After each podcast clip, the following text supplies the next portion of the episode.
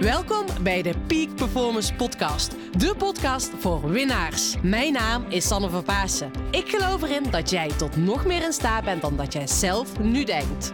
In deze podcast interview ik inspirerende gasten en geef ik tips om structureel topprestaties te leveren. Hiervoor heb je een hoge energie nodig, die je met toewijding doelgericht inzet. Niet als een eendagsvlieg, maar juist keer op keer. En dat vraagt durf en lef.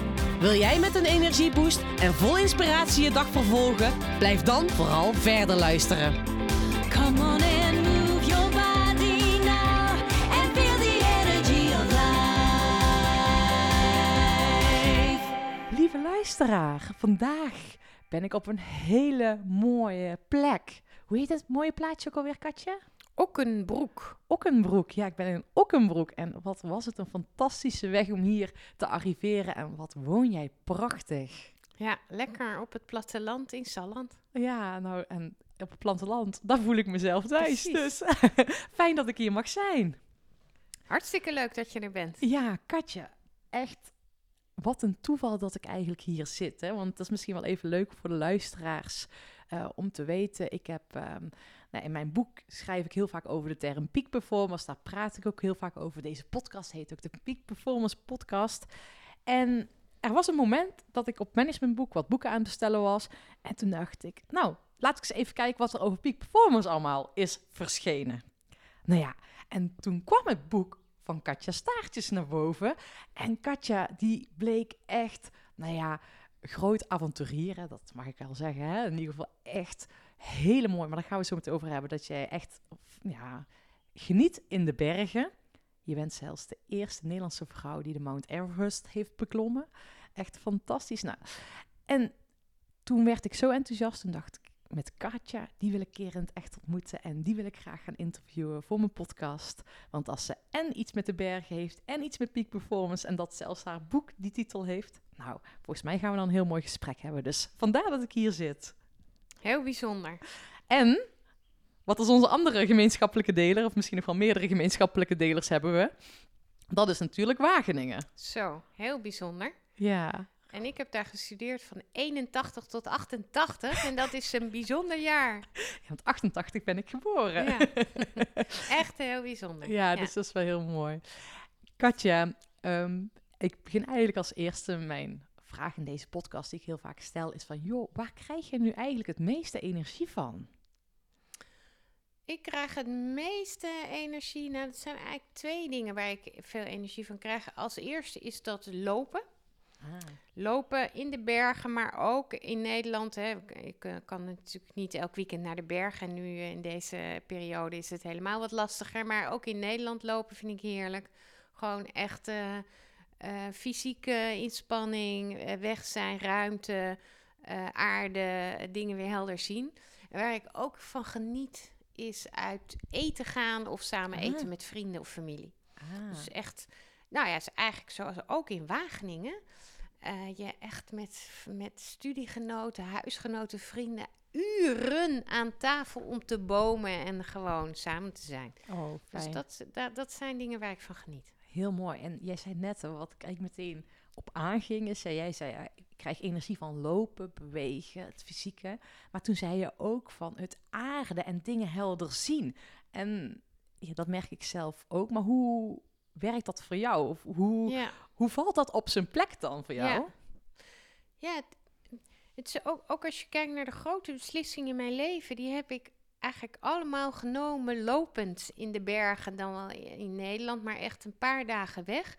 Hoe het voor mij werkt, is dat ik echt door eh, misschien wel juist de, de monotone beweging van het lopen, Mhm. Hè, je komt in een ritme, in een cadans. Dat ik daardoor eh, rustig word. Ik vind het lastig om in het dagelijks leven rust te nemen. Heel belangrijk, maar het is een hele grote uitdaging voor mij. En eigenlijk met het lopen vind ik dat moment veel meer. En ook doordat eigenlijk alles wegvalt, kom je tot, eh, tot de essentie. En helemaal in de natuur, waar dus al die impulsen en al die drukte er niet is. Ja, mooi. Ik weer zie wat ik belangrijk vind, kan reflecteren, kan relativeren. ja. Dus ik heb het ook echt nodig om naar buiten te gaan. Ja. Ja. En dat ik kan me dat ook helemaal voorstellen, want je komt echt gewoon ja, hè, echt bij Tot jezelf. jezelf. Ja, tot Ja. jezelf. En je hebt eigenlijk weinig afleidingen. En daarnaast Precies. heb je nog de natuur die ook heel mooie geluiden heeft. En Ja. heel hè, goed is voor je zintuigen. En hoe werkt dat dan voor jou? Eh, is het zo dat je dat ook al in een uurtje of 30 minuten wandelen kan realiseren? Of een, moet je, heb je daar een dag voor nodig? Of heb je daar dagen of een expeditie voor Ja. nodig? Nou, ik, ik, ehm, ik, ben, ik ben van eh, eigenlijk van jongs af aan eigenlijk eh, ben ik in het klimmen terechtgekomen via het hardlopen. En Mhm. ik, ik loop nog steeds om de dag hard. Ehm, en ik heb het zeker nodig om te sporten en ook intensief te sporten. En ik kan met hardlopen of met een uur wandelen ook wel een inzicht hebben of een idee. Of, maar de echte grote ideeën of, of eh, ja, zaken die ik me realiseer, die belangrijk zijn of die ik wil veranderen, of een koerswijziging of een nieuw project, dat is toch meestal wel dat ik dan toch wel echt een aantal dagen weg moet zijn. Ja. En dan alleen of met een groep maakt dat voor jou dan nog het verschil? Ja, dat maakt voor mij wel verschil. Ehm, eh, nou, in dit geval, ik deel mijn passie met mijn man. Maar eh, het is makkelijker om eh, eh, dingen echt te realiseren en binnen te laten komen als de groep in ieder geval niet te groot is. Nee, Dus ja. het lukt voor mij beter als we met z'n tweeën zijn, of ik alleen loop, of misschien met z'n drie of met z'n vieren. Juist ook misschien soms door te praten. Ehm, maar ik moet dan toch eigenlijk, eigenlijk wel rust juist hebben. Ja. Ja. ja, en die stilte misschien ook Ja. wel. Ja. ja, ik herken dit wel, want ehm, eh, ik fiets zelf nog heel erg veel. En recent had ik overdag al gefietst en ik deel mijn passie ook met mijn vriend. En ik had overdag met hem gefietst en ik wilde nog iets uitwerken. En toen dacht ik, oh, dan werk ik s'avonds door, want hij ging toen werken. En misschien herken je dat. En dan zit je achter die computer en je zit daar en je denkt, ik wil het uitwerken. Maar het kwam niet. En ik zat nog in mijn fietskleren. En ik wist dat ons groepje bij ons in het dorp, die gaat altijd om half zeven fietsen. Dus ik dacht, kwart over zes, weet je wat, het is goed geweest. Ik ga gewoon fietsen, ik zit toch al in mijn kleren. Dus ik ben gaan fietsen en ik kwam ehm, ja, bij ons afspreekpunt, maar er was niemand. En ik voelde eigenlijk al meteen van, "Ah," van dat ik het eigenlijk wel heel fijn was, vond dat er niemand was. En toen ben ik alleen gaan fietsen. En dat was maar anderhalf uur. En weet je, dan kon ik echt mijn eigen tempo, mijn eigen ritme. Ja. eh, mijn telefoon was nog uitgevallen. Ik heb nog nooit zoveel jonge eentjes gezien die de avond eh, nieuwe paadjes ontdekte. Ik dacht, fantastisch. Dat ik echt Ja. gewoon, dat ik dacht, wow, dat is zo vet. Ja, je kunt dan, je hoeft je eigenlijk niet te richten op het groepsproces of op de ander. Ja. Of je, hè, je bent echt één kun je worden met de natuur. Of je neemt meer, je staat meer open voor anderen. Ja, ik kan Ja. me voorstellen. Ja, dus dat was En echt... toen kwam je eruit? Toen, toen waar, waar je eigenlijk op zat te broeden? Ja, nou, dat was Ja. de grap, ja. Daar kwam ik toen dus ook precies. uit. En dat was fantastisch. Je dacht van, wow, dit is zo vet. Dus ja, ooit bij, hè, je bent wel geneigd om ooit vaker met andere mensen te doen. Maar het is ook wel heel goed om dingen gewoon echt er alleen uit te stappen, als het Ja. ware. Ja. En Katja, want jij bent hè, jouw... Nou ja, eh, laten we even onze, onze gezamenlijke begin van onze carrière beginnen. Hè, stukje Wageningen. Ehm, en ik hoorde je al ooit eerder in een andere podcast zeggen van... joh, weet je, ik heb bewust ook voor Wageningen gekozen. Want het is een relatief kleine stad, hè. Of Het is eigenlijk een dorp, maar door de student is het volgens mij een stad. Ehm, dat je ook daarvoor voor Wageningen hebt gekozen. En ook omdat je een grote passie hebt voor hardlopen. En van daaruit met hardlopen... Hoe is dan het stukje, het bruggetje ontstaan naar hè, de bergen, het klimmen? Ehm, hoe heb je daar uiteindelijk die, die... Nou, ik was inderdaad actief hardloopster toen ik naar Wageningen kwam. Toen ik 18 was. Ik zat een beetje in de subtop in Nederland. Maar ik was eh, actief en eh, ben daar lid geworden van de studentenatletiekvereniging Tartletos. Waar ik ook eh, in alle bestuurtjes en commissies heb gezeten. En ik was weg van Wageningen inderdaad. Juist doordat je zo mooi in de natuur overal daar kan hardlopen. En trouwens ook fietsen. Ehm, en eigenlijk vanuit het hardlopen en ook vanuit de hardloopvereniging Tartletos ben ik naar de bergen gegaan. Want een van mijn eh, clubgenoten, een vriend, die zei... Goh Katja, ga jij deze zomer mee twee weken wandelen in Oostenrijk met een tent en een rugzak? Fantastisch. En in eerste instantie zei ik twee weken wandelen in Oostenrijk.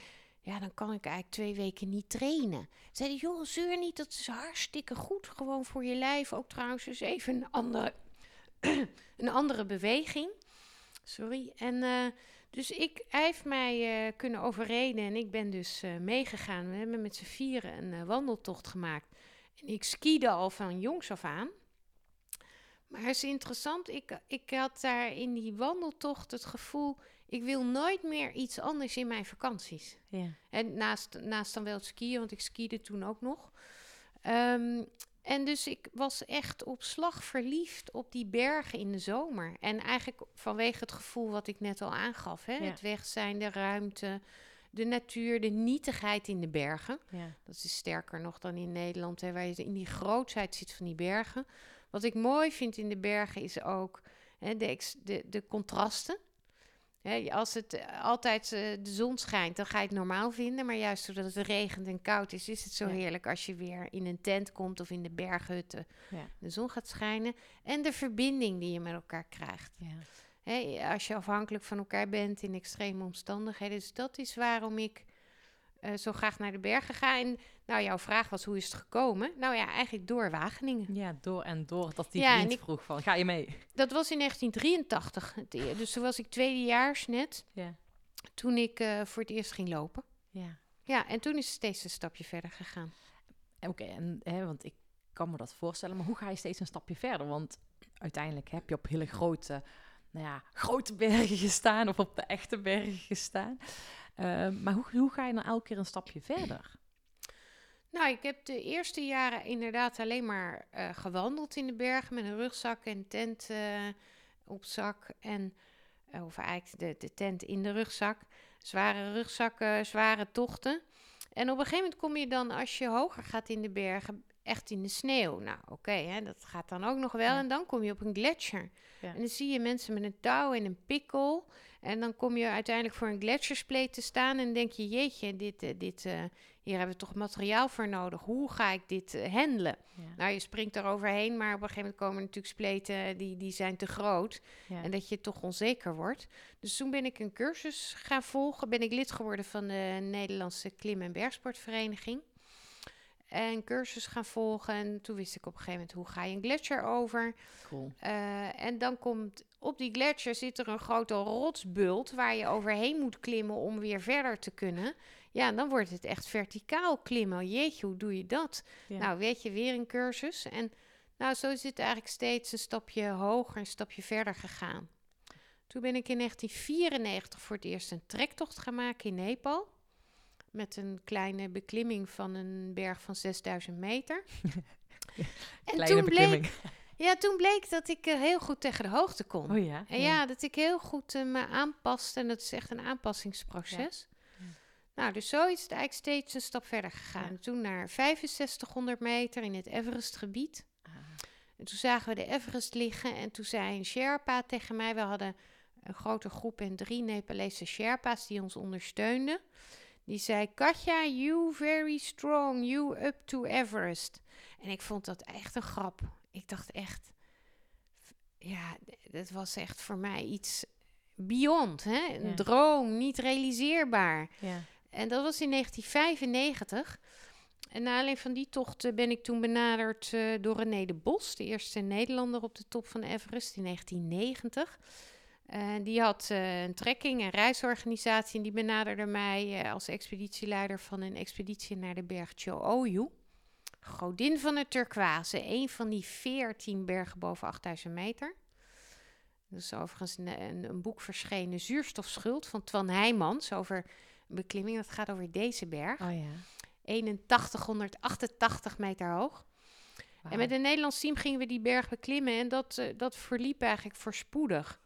We gebruikten ook geen extra zuurstof. En op die top zag ik de Everest opnieuw liggen, maar nu was dat nog maar 600 meter hoger.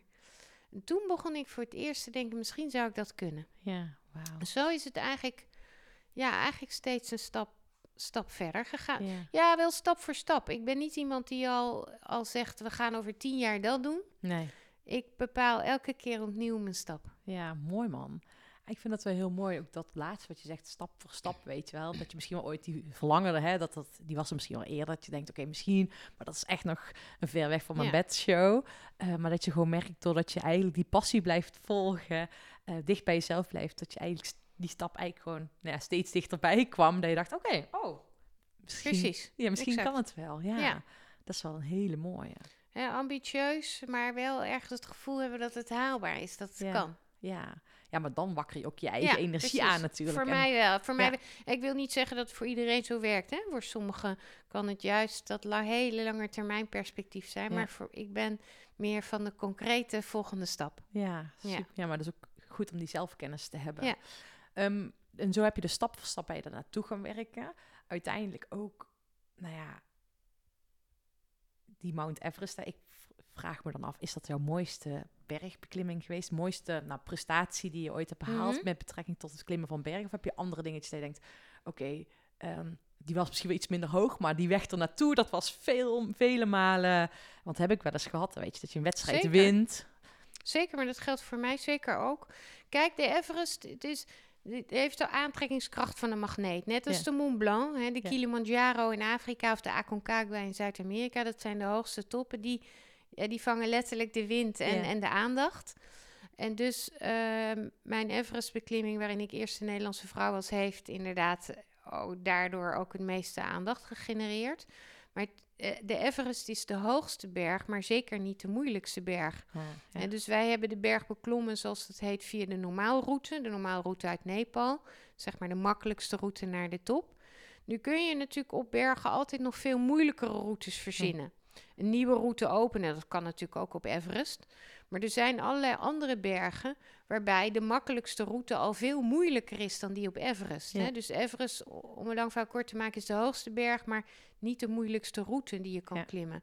En ik ben me daarna gaan richten op het als eerste het worden van een betere klimmer, hè? een Ah ja. technisch betere klimmer, zodat ik ehm, verticalere, moeilijkere routes kon bolwerken. En toen na twee jaar dacht ik, oké, nu heb ik de ervaring om ehm één, hè, had ik meer zelfvertrouwen qua, qua klimmen, maar vooral de ervaring om zelf een expeditie op poten te zetten Ja. naar een ook een, naar ook een van die hoge bergen boven 8000 meter, maar die veel moeilijker is dan Everest. Ja. En zo heb ik dus allerlei expedities ondernomen daarna, naar iets lagere, maar moeilijkere bergen, Cool. maar met eigen teams. Hè? Dus niet waar ik deelnemer was in een commercieel gegidste expeditie, want dat was Everest. Ja. Maar heb dat zelf gedaan, samen eh, met mijn man Henk. Henk Wesselius. En hebben we dat in allerlei teamconstructies gedaan. En jouw vraag was van, goh, hè, is er nu een beklimming die je eigenlijk mooier vond? Ja, dan zijn er dan wel een paar, maar degene die er wel bovenuit steekt is de berg Gasherbrum 1. Die ligt in Pakistan, 8068 meter, vlakbij de K2. Nou, Oh ja. Die zullen de meeste mensen Ja. wel kennen, de ene hoogste berg. Maar deze berg is dus net boven de 8000 meter, maar een stuk moeilijker te beklimmen dan Everest. En daar waren we met een klein team van vier. En eh, naast ons waren er nog een paar andere teams. En uiteindelijk is het met heel veel, ehm, ja, heel veel tegenslag en, en gedoe en slecht weer, et cetera, et cetera. En heel veel geduld. Is het uiteindelijk gelukt, dankzij samenwerking met die twee andere ploegjes, om de top te halen. En dat is wel heel bijzonder geweest. En eh, dat is overigens, maar het is nu eh, 2021 ook nog niet herhaald door Nederlanders. Dus dat Oh. wordt hoog tijd. Maar, eh, dus wij waren de eerste Nederlanders op die top. Ehm, en ja, hebben dat gewoon echt zelf gedaan. eh, Door samenwerken, door heel hard werken. En eh, ja, dat is wel heel mooi.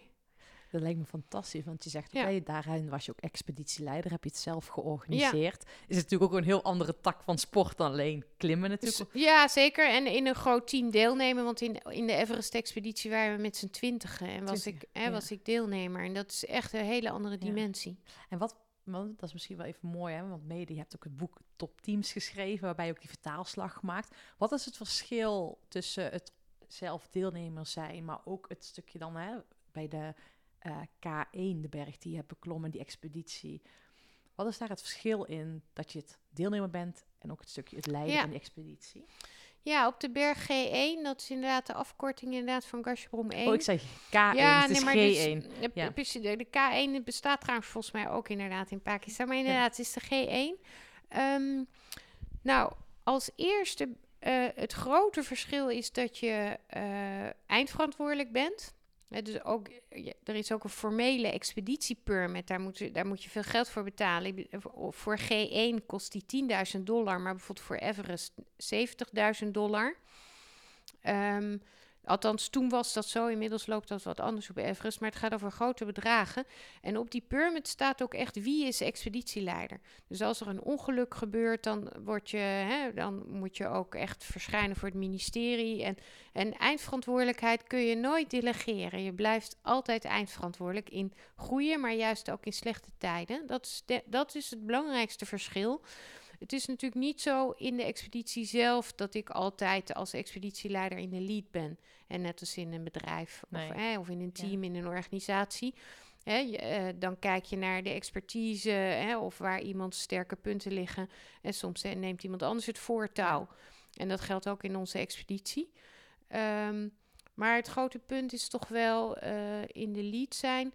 Eh, en ja, wat voor mij ook geldt, zeker als ik in de samenwerking kijk met Henk. Ik ben degene die het organiseert en daar fulltime mee bezig is van tevoren. Maar ik ben ook degene die communiceert met media. Ja. En dat is wel echt een forse klus in een expeditie op hoogte. Om dat er nog bij te doen. Hè. Dus het is echt. Dat doe je tijdens de tocht ook nog? Ja, en, dat, eh, en nu is dat zo langzamerhand natuurlijk anders geworden met, met kleine, met telefo- zelfs, maar, maar zelfs met een telefoontje is het heel lastig hoor, op hoogte om nog een berichtje te maken. Ja. Maar je hebt daar echt minder energie, dus het leidt ook erg af. Dus ja, eh, als je het hebt over focus, wat, hè, wat in het Ja. fietsen en met alles belangrijk is. Het is heel zwaar. En ook de logistiek in een expeditie is zwaar om je juiste spullen op het juiste moment mee te nemen. Het komt aan op allerlei details. Hè, dat je bijvoorbeeld je wanten, als je die uitdoet, die mogen natuurlijk niet naar, of om een foto te nemen of iets met het touw te doen. Hè, het is min Ja. 30. Die mogen niet naar beneden vallen. Min Ben je hand- 30. ja, die ben, ben je hand kwijt. Ja. Dus je, wanten moeten aan een touwtje zitten of aan een elastiekje aan je Ja. polsen. Maar dan moet je wel Bij- je hebben op het goede moment. Ja. En zo zijn er allerlei details. Dus wat ik het eigenlijk het zware vind aan, aan het leiden van een expeditie is vooral eigenlijk. Ik ben toch wel iemand die weinig rust neemt, maar dat het maar in mijn hoofd en alles wat er moet gebeuren altijd maar ja, doorgaat. de randzaken. Want je bent eigenlijk dan ook bezig met randzaken. ja. eh, voor de expeditie in Ja. plaats van met de prestatie alleen die berg op. Of Ja. berg naar beneden Ja. natuurlijk. Ja. En het stukje, want eh, jij zei net ook al, je, de- je energie is lager. op hoogte, het is min 30. Ehm, misschien is het ook wel even fijn om de luisteraars daarin mee te nemen. Want ik heb zelf vroeger wel eens tijdens mijn sportcarrière hoogtestage gedaan. Eh, ik heb zelf ook een keer een, han- een, een hike naar, volgens mij was het 4200 meter, of misschien 4600 meter. Vond ik ook al heel wat Ja. gedaan. Zeker. Ehm, en ik weet nog dat wij net onder de top aankwamen en dat mijn hoofd zo. Maar wat gebeurt er eigenlijk op hoogte met je lichaam? Ja. En wat maakt het ook dat het zo zwaar is dan? Ja. Nou, ik herken het gevoel wat je, wat je hebt eh, eh, op hoogte, zeker hè, als dat de eerste keer is. Ik weet nog dat de eerste berg voor mezelf dan, hè, die ik beklom, was, eh, was een wandelberg. Maar het gevoel was, dat was op de Monte Perdido in de Py- Pyreneeën, net boven 3000 meter. En ik stond daarboven en toen dacht ik, voel ik de hoogte al? Hè? Dus ik dacht echt, voel ik het? En ehm, als je dus op zo'n top staat of bijvoorbeeld een skilift neemt, Ja. even snel naar 3000 meter, en je drinkt even een kopje koffie boven, dan voel je het nog niet. Hè, maar je gaat het echt voelen na een paar uur. Want dan moet het lichaam dealen met minder zuurstof in de lucht. Hè. Dus hoe hoger je komt, hoe eiler de lucht. Op 5000 meter is nog maar de helft van de zuurstofspanning hè, die we hebben op zeeniveau. En op 8000 meter is dat een derde. Dus dat is eigenlijk het probleem. Doordat de luchtdruk lager wordt, wordt ook de zuurstofspanning lager. En daardoor kunnen we minder zuurstof inademen. Nou, wat gebeurt er dan in je lichaam?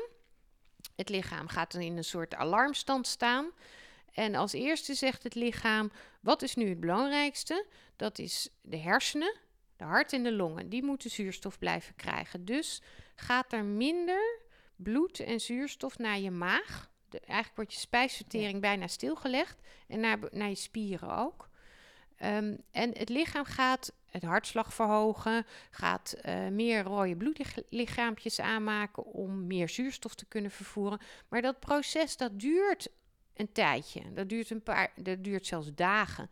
Dus eigenlijk als het lichaam nog niet aangepast is na een paar uur of s'nachts of de volgende ochtend, dan krijg je de effecten. Dat is hoofdpijn kun je krijgen, misselijkheid, duizeligheid, geen eetlust. Dat is Ja. eigenlijk een heel mooi mechanisme. Er zit geen bloed in je maag. Dus zegt het lichaam eigenlijk niet eten. Nou, dan denk je op een gegeven moment, ik moet toch wat eten. Hè? En dan, eh, dus klimmers die dan denken, ik luister daar niet naar, ik ga eten. Dat komt er linea recta, kan dat er weer uitkomen. Dus overgeven is ook een verschijnsel van milde hoogteziekte. Ja. Net als die hoofdpijn, duizeligheid. Ja. Nou, als je nou rustig aandoet, hè, dus je gaat niet hoger, maar je gaat eh, uitrusten, hè, in de tent liggen, in je slaapzak Ja. zeg maar. Hè, of je gaat in, je, in de berghut hè, op je bed liggen of in je tentje. Dan gaat het lichaam zich verder aanpassen en gaat het beter. Ja, wordt geadopteerd. Ja, het, acclimatisatie heet dat. Eh, past zich aan. Nou, op het moment dat je dus te hoog klimt of te snel, hè, dus, dus co- competitie, te veel competitie, rachen met die handel. We kunnen wel even sneller, we kunnen wel even hoger. Dan kun je dus extra last van hoogteziekte krijgen, omdat je eigenlijk te hoog of te snel bent gegaan. En dan kan dat ernstiger worden, waardoor je uiteindelijk eh, in hele ernstige vorm evenwichtstoornissen krijgt eh, als een dronken man gaat lopen. Oh en echt heel ernstig, de, levensbedreigend, is long- en hersenoedeem. Ja, ja. vochtuittreding, en daar kun je aan overlijden. Zo. En eh, het is dus daarom zo belangrijk om eh, te doseren. En dus letterlijk, je kunt niet in één keer naar de top klimmen. En daarom doen we dat in klimrondes. Ah, Nou, heel soms zie je klimmers bijvoorbeeld op K2 of ook op Everest tegenwoordig. Eh, die gaan sneller naar de top, maar die hebben dan ergens anders hebben die geacclimatiseerd. ah, die zijn eerst hebben ze Die een soort zijn- van hoogtetraining Die zijn gedaan. bijvoorbeeld een hoogtetraining gaan doen op een makkelijkere berg, waardoor ze minder gevaar lopen. Komen dan naar het basiskamp van Everest of K2 en kunnen dan in Ja. één, in eh, via de verschillende kampjes in één slag omhoog. Ah, dat is wel slim, want die gaan dan van tevoren Ja. al acclimatiseren. Ja. Want dat is het stukje waarom ik dus hoogtetrain deed. Een stukje aanmaak van Precies. rode bloedlichaampjes. Dat je lichaam gewend is aan die ja, eh, fysieke, Klopt. ja, ik wil bijna zeggen Ja. uitputtingsslag die dat met teweeg brengt. En wat me nu dus ook doet belanden is, jij zei net, hè, met de beklimming van G1 hebben we geduld nodig gehad. Ja. Ehm, en dat heeft natuurlijk hiermee te maken. Ja, dat heeft hiermee te maken. Dus enerzijds met dat acclimatisatieproces, hè, dus het lichaam laten aanpassen. En eh, daarvoor moet je ook telkens terugkomen naar het basiskamp. Nou, op die bergen boven 8000 meter ligt dat altijd zo op 5000 meter, soms wel wat onder, soms wat boven. Ja. En eh, soms zelfs op 5600 meter. En je kunt alleen maar daaronder herstellen. Dus dat is ook de reden waarom je elke keer weer terug moet komen naar zo'n basiskamp. En boven de 7500 meter heet het zelfs de zone des doods. Want daar is zo weinig zuurstof dat het lichaam überhaupt niet kan blijven leven. Ja. Maar ook als je in kamp 1 op 6000 meter een paar dagen in de tent gaat liggen. Ja. Nou, één, je gaat je spieren opeten omdat je niet beweegt. Maar twee, er is te weinig zuurstof. Dus je moet terug daarvoor naar het basiskamp. Nou, wat is nou de tweede reden dat zo'n beklimming zo lang duurt? Dus enerzijds wennen aan de hoogte, klimrondes maken, elke keer wat hoger. We zitten soms in quarantaine of in lockdown, zou je kunnen zeggen, tien dagen in een basiskamp, omdat het slecht weer Oh is. ja, natuurlijk. Omdat ja. het stormt, omdat er lawinegevaar is, omdat er veel sneeuwt. Ja. Nou, vroeger in, hadden we in Nederland daar niet zoveel beeld bij. Wat betekent dat? Als je vastzit en niet kan doen wat je wil. Hè, maar dus we- zitten daar dan gewoon dagen vast Ja. vanwege de omstandigheden. Ja. En dat is dus de tweede reden dat het ehm, lang duurt. En je kunt geluk hebben, zoals op die berg Oyu in Tibet ging ik na 2,5 week al naar de top. Maar toen had ik wel eerst ergens anders geacclimatiseerd laag hoor, Ja. tot 4000 meter. Eh, maar dat is toch heel snel. En op Gasherbrum 1, G1 in Pakistan, hebben we zes weken over gedaan. Zes Hè, weken. dus doordat het zoveel slecht weer was, lawinegevaar, telkens was er iets. Oh. Dus daar hadden we heel veel tijd nodig. Wauw. Eh, Dat is echt lang. Ik vroeg me net al af het vertellen was, oké, maar hoe lang neem je dan een tijd Ja. voor? Maar zes weken. En hoe lang plan je dan een tijd voor een expeditie? Want ik kan me Precies. ook voorstellen met Ja. dingetjes voor in Nederland, weet je wel. Ja, Ja, op een gegeven moment denk je van, ja, het moet eigenlijk eh, vandaag of morgen wel gaan Nou gebeuren, want anders... je, er- staat als eerste natuurlijk een vlucht teruggepland. Maar ja, we hebben al vaak meegemaakt dat die teruggezet wordt of verzet. Je ziet dus bij commerciële expedities ook, hè, dus expedities met name dus naar Everest die gegidst worden. Ja. Daar wordt er zo min mogelijk tijd gepland, want mensen hebben niet veel tijd. Nee, ja. Hè, dus kan het niet in vijf eh, weken, zeg maar. Ehm, maar dat is nou juist zo zonde, want dan stop je zoveel geld en energie in zo'n expeditie. En dan is het dus slecht weer geweest, hè, kom je net een week tekort. Ja. Ja, dat is gewoon, dus dat is ook een reden, ook een van de redenen geweest, nog meer om het zelf te doen, omdat je dan er meer tijd voor kunt inplannen. Maar op een gegeven moment zit er natuurlijk inderdaad een eind aan. Ja. Dus ehm, ja, we hebben toch, ik geloof voor G1 alles bij elkaar, want de trektocht naar het basiskamp is dan ook acht dagen. En dan zit je eerst een paar dagen in Islamabad en dan weer, je, terug. Maar ja, dat vroeg ik me dus ook al af. Van pak je dan, ga je daar ook nog met het basiskamp, hè, loop je daar naartoe? Ja, nee, wij, wij lopen, want Ja. nu op Everest wordt er echt gevlogen. ook maar gevlogen, ja. is Of echt, een, ja. Het is niet helemaal mijn stijl. We hebben Nee. één keer met de helikopter gevlogen omdat er geen keus was vanwege politieke instabiliteit. Oh ja. Eh, maar eh, normaal lopen we. Maar dus alles bij elkaar, jouw vraag dan, is dat we toch wel drie maanden plan je dan in voor zo'n expeditie. En als het dan voor ons kort is, twee. Maar dat, ja, dat vraagt wel echt. Ik, nou ja, ik heb ook destijds echt mijn baan opgezegd, mijn managementbaan voor het klimmen. Ja. Want, Ja. ja. ik vind het een hele mooie keuze. Eh, dat je dat ook, eh, ja, dat je, dat je daarin je droom eigenlijk achterna bent gegaan en dat hè, die keuze hebt gemaakt. En maar eventjes om mijn beeldvorming dan nog compleet te maken. hè, Je plant dan drie maanden de tijd eigenlijk om zo'n expeditie, eh, nou ja, om, om daarmee aan de slag te gaan. hè, Want het is de vraag natuurlijk of je hem realiseert. Ja. Maar in ieder geval, hè, daar trek je de tijd voor uit. Maar hoe lang ben je nog bezig om met het voorbereiden? Ehm, nou, het verschilt een beetje. Eh, ik zou zeggen tussen een aantal, nou, tussen een half jaar en een jaar. Dus een half Ja. jaar en een jaar. Moet je Ja. zien. Goh. Wauw. En zeker naarmate je ehm, met eh, een team in een Nederlands team eh, werkt, waarin we hier in Nederland trainingssessies hebben, maar ook gesprekken. Hoe gaan we het aanvliegen? Hoe kijken we tegen dingen aan? Ja. Het risico, wat moet er gebeuren? Met een- Wat doen we als er een ongeluk is? Wat, eh, hè? Ja. Eh, maar ook de gewoon logistieke organisatie en sponsors zoeken. Oh ja, media, website maken, et cetera, et Ja. cetera, et cetera. Zo, ja. Ja. Hier zei even tussen neus en lippen door. Ehm, hè, dat je gesprekken voert over hoe je het aanvliegt, maar wat je ook doet met, met bepaalde risico's of als er dingen tegen Ja. zitten. En dat vind ik wel heel mooi dat je dat benoemt, hè, want eh, toevallig ik begeleid ik een groep eh, autocoureurs die ik begeleid in hun, het leven van hun peak performance. En dan geef ik ook heel vaak aan van op het moment dat je van tevoren al jezelf traint, wat je gaat doen als het fout gaat, nou, dan is het kans groot dat je in Ja, zo'n moment... Precies, dat, je, dat het goed gaat. Het is geen garantie, dat weten we allemaal. Ja. Want op het moment zelf, hoe je reageert, dat weet je niet. En zeker op hoogte, hè, Nee, met dat fysiek uitgeput, hè? Met, ja, en, maar, en, maar dan helemaal de ijle lucht maakt Ja. dat je gewoon eh, niet goed meer kan denken. Je zuurstofsaturatie in het basiskamp is eh, rond de 86. 86. Eh, dat was op 4800 meter, dus op, op 53 of 5500 meter is het nog lager. Nou, laten we maar niet spreken over de zuurstofsaturatie op 8000 meter. Maar je functioneert gewoon echt niet goed. En dus, ehm, naarmate je dingen beter hebt doorgesproken, is er inderdaad meer kans dat het goed gaat, omdat Ja. je daarop terug kan vallen. Maar het is inderdaad geen garantie. Nee, Nee. want dat heb je natuurlijk ook ooit meegemaakt. Ja. Althans zo... eh, Ja, dat. eh, eh, maar goed, ik ben er helder over dat bijvoorbeeld als het gaat over gezondheid in het team en de top, gaat, en als de gezondheid in het geding is, dan gaat hij altijd voor. Ja. Dan gaat hij voor boven de top. Dan wordt de top secundair. En dan is de volgende vraag, als er iets gebeurt, hoe kunnen we het oplossen? Want hè, soms moet je met z'n allen naar beneden, maar soms kan bijvoorbeeld een gedeelte nog doorklimmen om voor het hele team de top te halen. Ja, en dat verschilt zo per situatie. ja, ja, ja. Ja. daar is eigenlijk geen richtlijn, goede richtlijn voor te geven. Nee, maar dat is wel het stukje dat je van tevoren al bewust mee bezig bent. Want dat is natuurlijk wat in het bedrijfsleven ook gebeurt. Hè? Onder stressvolle situaties, dan reageer je anders ehm, dan dat je zou doen als je Zeker. in minder mate die Ja. stress ervaart. En dat is letterlijk wat er ook op die berg Ja. gebeurt.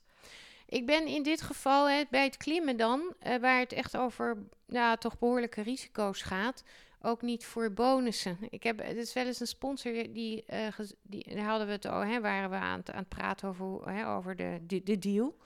Waarbij eh, aan de orde kwam eh, dat wij dan een bonus zouden kunnen krijgen als we de top zouden halen. En ik heb het, ik, hè, ik heb gezegd nou, dat ik de voorkeur gaf aan een andere deal.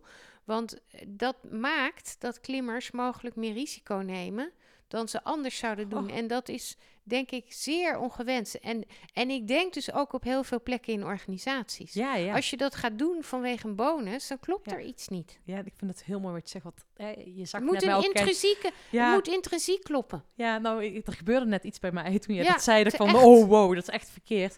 En dat is ook, ik heb, ehm, nadat ik eh, gestopt ben met mijn sportcarrière, ben ik, heb ik nog twee jaar voor een, in, in een organisatie gewerkt. En dan zie je ook gewoon dat mensen hun nou ja, bepaalde dingen doen om hun eigen hachje te redden. Ehm, dat ze hun eigen bonus willen realiseren. Dat dat belangrijker is dan het teamdoel of nou, het organisatiedoel. En dat is wat jij nu hier ook precies zet- zegt. Van, Ja. hè, die intrinsieke motivatie eh, is zo belangrijk. Daar, daar moet het kloppen. En juist ook in het omgaan met je eigen grenzen. Ja, En naarmate je dichter tegen je grens aankomt, en wat op, op, op ho- grote hoogte op bergen zo is, maar ook bij extreme inspanning hè, of in de topsport, zoals jij ook gedaan hebt, ja, dan wordt het nog veel belangrijker om te weten waar ligt die grens en in staat te zijn die grenzen te bewaken Ja. en op het juiste moment te kunnen verleggen. ja. Maar ja, het is soms is er zelfs meer moed nodig om vlak onder de top om te keren dan Ja. om door te gaan. Ja. ja, ik zeg dat altijd en dat heb ik ook met eh, wedstrijden. Het is, eh, het is vele malen dapperer om inderdaad af te stappen of ergens mee te stoppen, dan door te gaan. Want doorgaan hè, als een kip zonder kop soort Ja. van en die gevolgen met is Ja, veel... en over je grenzen te gaan misschien. Ja, maar het is veel... Maar het is belangrijk trouw. om dat heel Ja. goed aan te voelen. ja. En ik kan dat eigenlijk eh, in de bergen beter dan in het dagelijks leven. Misschien wel juist omdat het zo op leven en dood is. Dus de risico's zo groot zijn. Ik vind het wel heel mooi wat je nu benoemt. Hè? Want ehm, wat net bij mij door mijn hoofd heen ging. Hè? Jij zegt, hè, ik ben iemand van veel energie. Hè? Mijn hoofd staat ook weinig stil. Ik ben echt een, een aanpakker. Hè? Gewoon, eh, ja, ehm, hè, ja, je barst gewoon van de energie. Dat vind ik heel mooi om te zien. Maar je vertelde net hè, dat dus met het beklimmen van een berg... dat je geduld nodig hebt en dat je moet acclimatiseren. En dan wordt dus uiteindelijk... ehm, ja, zeg maar, de, de kwaliteit, of die energie die je ook heel veel hebt, maakt natuurlijk dat je wel zo ver kan komen. Maar je wordt ook wel een soort van uitgedaagd. Ehm, maar ik hoor je aan de andere kant ook tussen de regels door zeggen, daar heb je misschien ook wel minder afleiding, waardoor je dus nog meer die rust... ja je, eh, hebt, je hebt minder afleiding, maar ehm, het is ook uiteindelijk zo op het randje allemaal dat je wel moet kijken naar je grenzen. Hè? Ja. Dus in Nederland, of ik nou eh, een paar weken nog, nog keihard doorwerk, hè? ik ben, ben Ja. heb toch wel wat workaholic neigingen waar ik van af wil komen, maar hè, om, als ik dan nog een paar weken heel hard doorwerk, daar, om het zo maar te zeggen, dan ga ik niet aan dood. Nee, de consequenties Hè? zijn niet zo groot. Die zijn niet, nee, maar dus Ja. dat is denk ik waarom ik eh, Ja. in de bergen he- echt heel op de ene manier heel goed naar mijn buik en mijn intuïtie kan luisteren. Ja, ik vind dat heel mooi. Ik heb eh, recent zelf nog in de bergen, nou, dat was eigenlijk, stelt wat jij hebt gedaan niet zo heel veel voor, maar was voor ons, eh, ehm, wij waren afgelopen winter, of eh, herfst waren wij in, eh, in de Dolomieten. Oh, En toen hebben wij daar een hike gemaakt. En mijn vriend, ik had eigenlijk een route thuis uitgezet, maar al die berghutten waren al gesloten. ja. Dus die gingen we niet maken. En tot mijn vriend een andere route uitgezet. En ik, wij laten ons dan vaak door de locals adviseren. En Ja. ik had helemaal op hem vertrouwd dat hij dat had geadviseerd. En wij waren rond een uur of twaalf vertrokken, want we hoefden maar acht kilometer. Oh ja, in, de ber- in de bergen praat je niet over kilometers. Nee, In die- uren. nou die fout hebben we dus ook Ja. gemaakt. Maar in ieder geval, het was dus nog lang licht.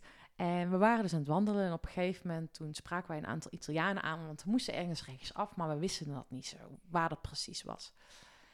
En ehm, nou ja, wij spra- hun spraken geen Engels, waren wat, eh, nou, gewoon locals van die omgeving. En wij hadden op de kaart aangewezen waar we heen gingen. En eh, die man die zei, keek naar zijn horloge en die keek weer naar ons. En keek weer naar zijn horloge en keek weer naar ons. En die, hij scande mij al van beneden naar boven. En toen kwamen er andere mensen omhoog geklommen. En toen zei hij dat, eh, dat wij daarheen gingen. En toen kwam er dus een vrouw naar mij toe. Die gaf mij een, eh, een box. Dat vond ik al best bijzonder in coronatijd, dat iemand mij een box gaf. En achteraf snapte ik wat waarom. Maar op een gegeven moment zei mijn vriend... Volgens mij bij deze vijf stenen... Dit is denk ik het pad. En ja, dat is ook een stukje zo trouw blijven aan je gevoel, Ja. weet je wel. Ja, was een steenman, bedoel je, met vijf stenen. nou ja, het was, waren elkaar. gewoon steentjes ja, Ja, die. Die, die bij inderdaad in een rijtje lagen. En op een gegeven moment gingen wij gewoon ja, dat met handen en voeten omhoog. Ja, ja, echt wordt het klauteren. Is Ja. het gelukt? Het is gelukt, ja. En hoe laat waren jullie er? Nou, we waren, maar, maar dat vond ik wel heel bijzonder wat er dus gebeurde. En dat, dat zullen, zal jij daar natuurlijk ook wel mee hebben gemaakt. Ik merkte mijn vriend dat hij het heel spannend vond. En ik weet van, van mezelf, als ik gewoon rustig blijf, eh, blijf ademen letterlijk. Ja, En zo hoog was het niet, maar gewoon wel ontspannen. En, ehm, en gewoon ook met vertrouwen blijven Ja, lopen. En jezelf niet laat opjutten. ja. Eh, want mijn vriend zei, ja, ik moet er sneller, ik moet er sneller. Ik zei, nee, als ik gewoon eh, de tijd neem, dan weet ik dat iedere stap raak is. En op een gegeven moment liep ik langs een afgrond. Ja, dan moet je gewoon niet op een steen stappen die gaat rollen. nee, want dan, zeker niet. Nee. Ehm, en dat, wat jij zegt, de onderbuikgevoel, die voelde ik daar enorm. Dat ik dacht van, wow. En we waren er uiteindelijk, ja, we waren er rond zes, zeven uur. Dus het viel nog wel mee. ja, dat was prima dus nog. Ja, maar nog het was net. wel gewoon heel die ervaring Ja. wat er dan gebeurt in je lichaam. Als je dus, wow, het is wel, eh, ja, Zeker. En je moet eigenlijk constant anticiperen hè, op, de, op de omstandigheden, op de omgeving. Wat Ja. gebeurt er bij jezelf? Wat, hè, ja, ja. En wat jij dus zegt, letterlijk ook in verbinding bent jezelf, dat je dus blijft luisteren. En eh, in Nederland is het niet heel vaak noodzakelijk om dat te doen, Precies. maar dat blijven luisteren naar jezelf is wel zo waardevol. ja, zeker. Nou, mooi. Mooi Ja. gevoel zal dat gegeven hebben. Voldoening als ja, je er dan bent. fantastisch. Was Ja. echt fantastisch. En Katja, wat heb jij, want je van vooraf, voordat je eigenlijk fulltime bent gaan klimmen, eh, toen was je ook in het bedrijfsleven actief, ook in een leidinggevende rol. En wat heb jij nu ook nog meer, door het klimmen juist, geleerd en gezien, waardoor jij nog meer toegevoegde waarde voor het bedrijfsleven kan Ja. zijn? Want er zijn natuurlijk zoveel lessen op de berg die... Ja, zeker, ja. Ehm, ja, ik heb eerst eh, na Wageningen acht jaar bij Campina gewerkt in eh, kwaliteitszorg. Als eh, toen mijn eerste leidinggevende functie in de logistiek voor, voor opslag en distributie. En toen ben ik jaar productiemanager geweest. En daarna was ik manager facilitair bedrijf van het UMCU. Toen het ASU en het Wilhelmina Kinderziekenhuis in Utrecht. Toen heb ik inderdaad mijn baan opgezegd. En als je kijkt naar eh, eigenlijk wat het, wat het klimmen en de bergen en de expedities mij geleerd hebben, zou ik bijna willen zeggen alles. Eh, maar belangrijke lessen eh, zitten eh, heel erg op samenwerken. Mhm. Eigenlijk juist hè, dat je in extreme omstandigheden confrontaties en irritaties krijgt, is, is normaal. Mhm. Sterker nog, hè, we hebben afgelopen tijd ook in, in Nederland en ook in de wereld zie je, hè, als de druk oploopt en dan worden de tegenstellingen groter, is het logisch dat er verschillen van inzicht en mening ontstaan. Dus wat dan nog belangrijker is, is dat je uiteindelijk in staat bent om ehm, te kijken naar het, het overkoepelende belang. Hè? En, niet, en niet je eigen ego leidend te laten zijn of je eigen belang. Hè, dus om uiteindelijk in staat te zijn om verschillen te overbruggen. En misschien zelfs wel in staat te zijn om verschillen te kunnen inzetten. Hè? Dat is natuurlijk het hele inclu- Ah. inclusievraagstuk. Ja. Nou, dus dat is een heel belangrijk punt vanuit mijn beklimmingen. Ehm, het punt, daar begint het eigenlijk überhaupt. Heb je werkelijk een gedeeld doel?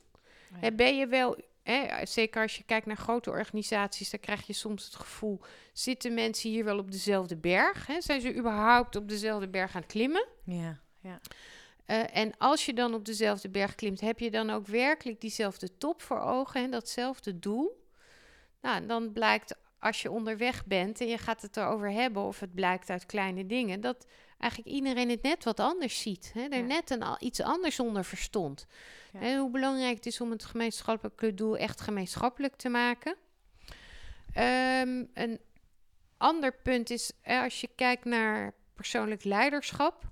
De bergen zijn echt mijn grootste leerschool als het gaat over eh, ja, mijn eigen persoonlijke ontwikkeling. Mhm. Nou, zelfkennis is daarvoor de basis. En nou, je leert jezelf ontzettend goed kennen als je tegen je grenzen oploopt en eh, on- onder stress staat en in hele lastige omstandigheden en alles telkens verandert en onzeker is. Hè, zoals in een eh, beklimming. Hè, maar er zitten ook natuurlijk behoorlijk wat parallellen in naar de huidige tijd. Dus als je dan kijkt naar. Hè, het is belangrijk om te weten wat je kwaliteiten zijn, zodat je die nog sterker kunt maken of hè, die kunt benutten. Maar je loopt juist tegen je beperkingen op. En ehm, eigenlijk het leren hanteren van je eigen beperkingen, dat is wat ik in de bergen eigenlijk nog beter heb geleerd. Hè, waar, mijn eigen struggle, Ja. hè, die, die, die er eh, hè, waarin je altijd punten zult houden. Maar als ik bijvoorbeeld kijk naar mezelf, ik ben een perfectionist. Dus ik kijk eh, naar de details. Dat is natuurlijk soms heel goed. Maar soms is dat een beetje onhandig. Hè? Als wij in de Penarie zitten op een gletsjer met allerlei ijsblokken waar we links of rechts omheen moeten. En we hebben twee uur verkeerd geklommen en moeten weer helemaal terug. En ik ga dan roepen, als we nou het zo hadden gedaan, waren we sneller geweest. Ja, allemaal helemaal waar. Voor de volgende keer zinvol, zinvol Ja. om van te leren. Maar op het moment zelf hebben we er niks aan. Ja. En dan is het heel goed dat Henk erbij is. Die zit totaal anders in elkaar als ik. Ik ben toch wel telkens geneigd om te kijken hoe had het nog beter gekund. Ja. Het glas is bij mij wat dat betreft eigenlijk wel half leeg. Want ik kijk altijd wat had er beter. Bij Henk is het half vol. De- ik zou het ook wel half vol willen hebben. Maar ik zie toch echt, ik zie toch hoe had het beter gekund. Die gedachte kan ik niet uitbannen. Maar ik kan wel, ik kan wel er anders mee omgaan. Ja. Dus ik heb inmiddels geleerd dat ik dan mijn mond moet houden. Of, en dat het, zeker als expeditieleider, juist belangrijk is dat ik iets positiefs zeg. Iets wat helpt. Ja. En dus eigenlijk juist dat hele stukje perfectionisme, ja, daar loop ik ook in dagelijks leven tegenaan. Maar in de berg nog meer. Ja, dus ja. alles wordt uitvergroot. En dat is fantastisch, want dan leer je Ja. nog sneller kennen. Nou, dus dat zijn drie aspecten, maar er zijn nog zoveel meer op communicatiegebied, op een commitment, op vertrouwen. Ach, Ja. nou ja, de, de boeken staan. Hè, met name komt alles uiteindelijk nu terug in topteams. Hè, waarin eigenlijk mijn hele Ja, je hebt- expedities nu. Eigenlijk, ik heb teruggebracht naar dat ene, ene boek. Met Ja. foto's overigens van eh, Menno. Menno Boermans. Ja, Ja. super mooi boek. En het is ook in verschillende ja, eigenlijk fases, ook een teamontwikkeling. Ja. Ja. Je daar mensen ook mee. Dus het is echt super waardevol om dat mee te nemen. En het stukje waar ik dus ook heel erg nieuwsgierig naar ben, hoe jij dat ziet. Want een van mijn uitspraken is: high performance is onzin. Ga voor peak performance. Hè, jij zei net ook wel dat het heel erg belangrijk is dat je het gemeenschappelijk doel helder hebt. Of je het doel helder hebt. En dat in organisaties vaak mensen wel denken: het doel is helder, maar dat iedereen het anders interpreteert. Ehm, dat is natuurlijk heel erg waardevol. Maar het stukje op het moment dat je letterlijk met klimmen die berg hebt bereikt, hoe zie jij die afdaling en hoe zou je die vertalen richting, ehm, nou, richting het dagelijks leven? Want Ja, je, ja, volgens mij, ik heb af en toe wel eens het gevoel dat veel eh, aan het dagelijks leven veel mensen alleen maar bergop aan het rennen zijn ja. en nooit van het uitzicht genieten en ook geen tijd nemen om te af te dalen. Nou, als eerste eh reagerend hè, op je punt peak performance. Wat, wat natuurlijk het mooie is als het gaat over uitdagingen, dat ehm, er is geen goed of fout. Hè? Ieder heeft zijn eigen doel. Ieder Ja. persoon, ieder team, iedere organisatie. En of dat nu inderdaad de Everest is, de Mont Blanc hè, of de Holterberg, waar ik hier vlakbij woon. Ja. Het is mooi als je dat gezamenlijke doel hebt. Ehm, nou, op het moment dat je dat, doe- dat je op die top staat, zeg maar, op die berg, ja, dan ben je geneigd om te denken dat je er bent. Maar op een berg is dat niet zo. En in het dagelijks leven is dat nu ook heel vaak hetzelfde. Hè? Je, sterker nog, op een berg is de afdaling de grootste uitdaging. Ja. Want je denkt, ik ben er. Ja. Je, je, hè, je gaat al het staan vieren daarboven, ehm, bij wijze van spreken. Ehm, maar de meeste ongelukken gebeuren in de afdaling. En als je kijkt naar organisaties, hè, er wordt een nieuwe, ik noem maar wat, eh, wordt een, een nieuw product, een nieuw systeem geïmplementeerd, ehm, eh, of de deal is rond. Ja, je, of ehm, een, een, ja, een operatie wordt uitgevoerd. Ja, je bent er pas als die patiënt echt genezen is. Of als het Ja. systeem werkt. Of de reorganisatie ook Ja. daadwerkelijk heeft opgeleverd wat je beoogde. Eh, en dat vraagt heel veel. Eigenlijk gaat dat over duurzaamheid. Hè? Het vraagt een stuk nazorg. Het vraagt juist aandacht in het traject daarna. En vaak hebben wij alleen maar aandacht voor precies wat jij zegt. Het, het naar de top gaan en Ja. daarna verslapt het weer. Ja. En dat is echt jammer. Sterker nog, in het klimmen is dat, en moet je de aandacht vasthouden. En dat is ook een mooie les vanuit het bergbeklimmen. Je bent er pas als je veilig met je team terug bent. Ja, ik vind dat wel een hele mooie, want dat is ehm, die afdaling kan ook nog zoveel fout gaan natuurlijk. Of je, hè, je, je stapt zelf natuurlijk makkelijker mis naar beneden dan dat je omhoog gaat. Dat is al één. Inderdaad, dat is een hele belangrijke reden. Eh, twee, als je kijkt naar die berg op 8000 meter, vanaf het hoogste kamp naar de top en terug naar het hoogste kamp. Dat is vaak zo 1000 meter omhoog, 1000 meter naar beneden. Nou, dat doe je in de Alpen even zo. Ja. Maar daar doe je daar nou gemiddeld 15 tot 25 uur over. Alleen naar beneden. Nee, naar boven en naar beneden. Oh ja, dan ben je al... De- alleen het hoogste kamp, hè? Ja, Ben nog niet. En dus je bent ontzettend langzaam door het zuurstoftekort. ja. En dus en dan daarnaast moet je een liter drinken per duizend meter. Dus op 8000 meter moet je eigenlijk 8 liter per dag drinken. Je hebt alleen maar sneeuw en ijs om te smelten. Nou, tijdens een to- dat probeer je dus in die kampen goed te doen. Maar in die topbeklimming kan dat natuurlijk Nee. niet. Dus je bent totaal gehydrateerd. Je bent Ja. totaal kapot. Door Ja. het zuurstoftekort, de inspanning, de, eh, de spanning van, van de, risico's. Dus daardoor loop je gewoon meer risico in een afdaling. zo. En dus moet je je aandacht vasthouden. Ja, wauw. En dus eigenlijk, mijn les eigenlijk naar het dagelijks leven is... Heb, eh, ja, heb aandacht voor het pro- proces wat daarna zit. Hè? De, Ja. de implementatie. Ja, wauw. Ja, die is Ja. heel mooi. Ja. En ik zeg zelf ook altijd voor die afdaling. Ja, dat is natuurlijk met het mountainbike iets anders dan met het bergbeklimmen ook. Weet je wat wil ik heel vaak doen als je iets geleverd hebt. Hè? Je hebt een peak performance, een topprestatie geleverd. Je moet er nou ook tijd nemen om bij te tanken, om uit te rusten. Precies. Ehm, en dat vergeten we ook heel erg vaak. Ja. En we vergeten ook heel vaak te genieten. Ja, nee, dat ben ik helemaal met je eens en ik herken het. Nou, met een berg boven 8000 meter is het zo dat je, je kunt niet dat constant achter elkaar doen, want je, je verzwakt. Echt Ja. op 6000 meter kom je versterkt terug daarna, maar Ja. van 8000 meter ben je echt verzwakt. Dus je moet echt herstellen. Ja. Maar voor mij geldt ook, maar dat is eigenlijk wat jij ook beschrijft. Ik kan bij wijze van spreken na een Everest-beklimming niet meteen de maand daarna weer een Everest beklimmen. En dat zal waarschijnlijk met een WK of iets, of hè, Olympische Spelen of een. NK ook zo zijn. En dan moet je inderdaad even, even achteruit stappen, even terugkijken. Ja. eh, ja, je, en tot op een gegeven moment helder is wat het volgende doel is. Of misschien was Ja. dat al helder, maar je dan opladen. Ja. Ja, maar dat is het. Hè. En Ja. ik zeg ook als je moet ook af en toe door het dal fietsen om weer te kijken wat wordt die volgende beklimming en die volgende berg. En Katje, daar ben ik heel erg nieuwsgierig, hè, want ondertussen heb jij eh, heel veel mooie nou ja, momenten in de bergen beleefd. Heb je nog ergens iets op de agenda staan of een punt op de horizon waar je denkt, oké, daar wil ik nu, daar wil ik nog graag gaan doen? Of merk je dat daar een switch in is plaatsgevonden in die ambities? Of hoe, eh, wat, zat er, wat zat er op de planning? Ja, wat staat er op de planning? Ehm, nou, misschien, misschien even, even nog één stapje terug. Hè. We hebben natuurlijk de successen, en dan bedoel ik ook Henk, hè, mijn man en ik, de successen behaald op bergen. Maar soms lukt het ook niet. Hè? Ja. En, en is het juist goed om om te keren om allerlei redenen. Dus zo was er, als je het dus hebt over ontwikkelingsstappen die ik gemaakt heb, elke keer wel een nieuw aspect in een beklimming. Hè? Een, een, eh, het zelf organiseren. Dat hebben we toen gedaan met eh, lokale klimmers. eh, de stap naar een Nederlands team en ook echt dus de verantwoordelijkheid daarin hebben. Eh, dat is een hele grote stap. Eh, een moeilijkere berg, eh, een berg in een ander land. Nou, goed. En op een gegeven moment was, het, was dat eigenlijk wel mooi geweest dat ik met name zei... Hè, als je kijkt naar 8000 meter, de bergen die wij beklommen hebben... zo'n beetje tussen de 1 op 60 en 1 op 15 gaat dood naar de, naar de top. Dus dat zijn echt grote risico's. Ja, dat ik op een gegeven moment zei, weet je, dat is wel zo langzamerhand mooi geweest. Ja.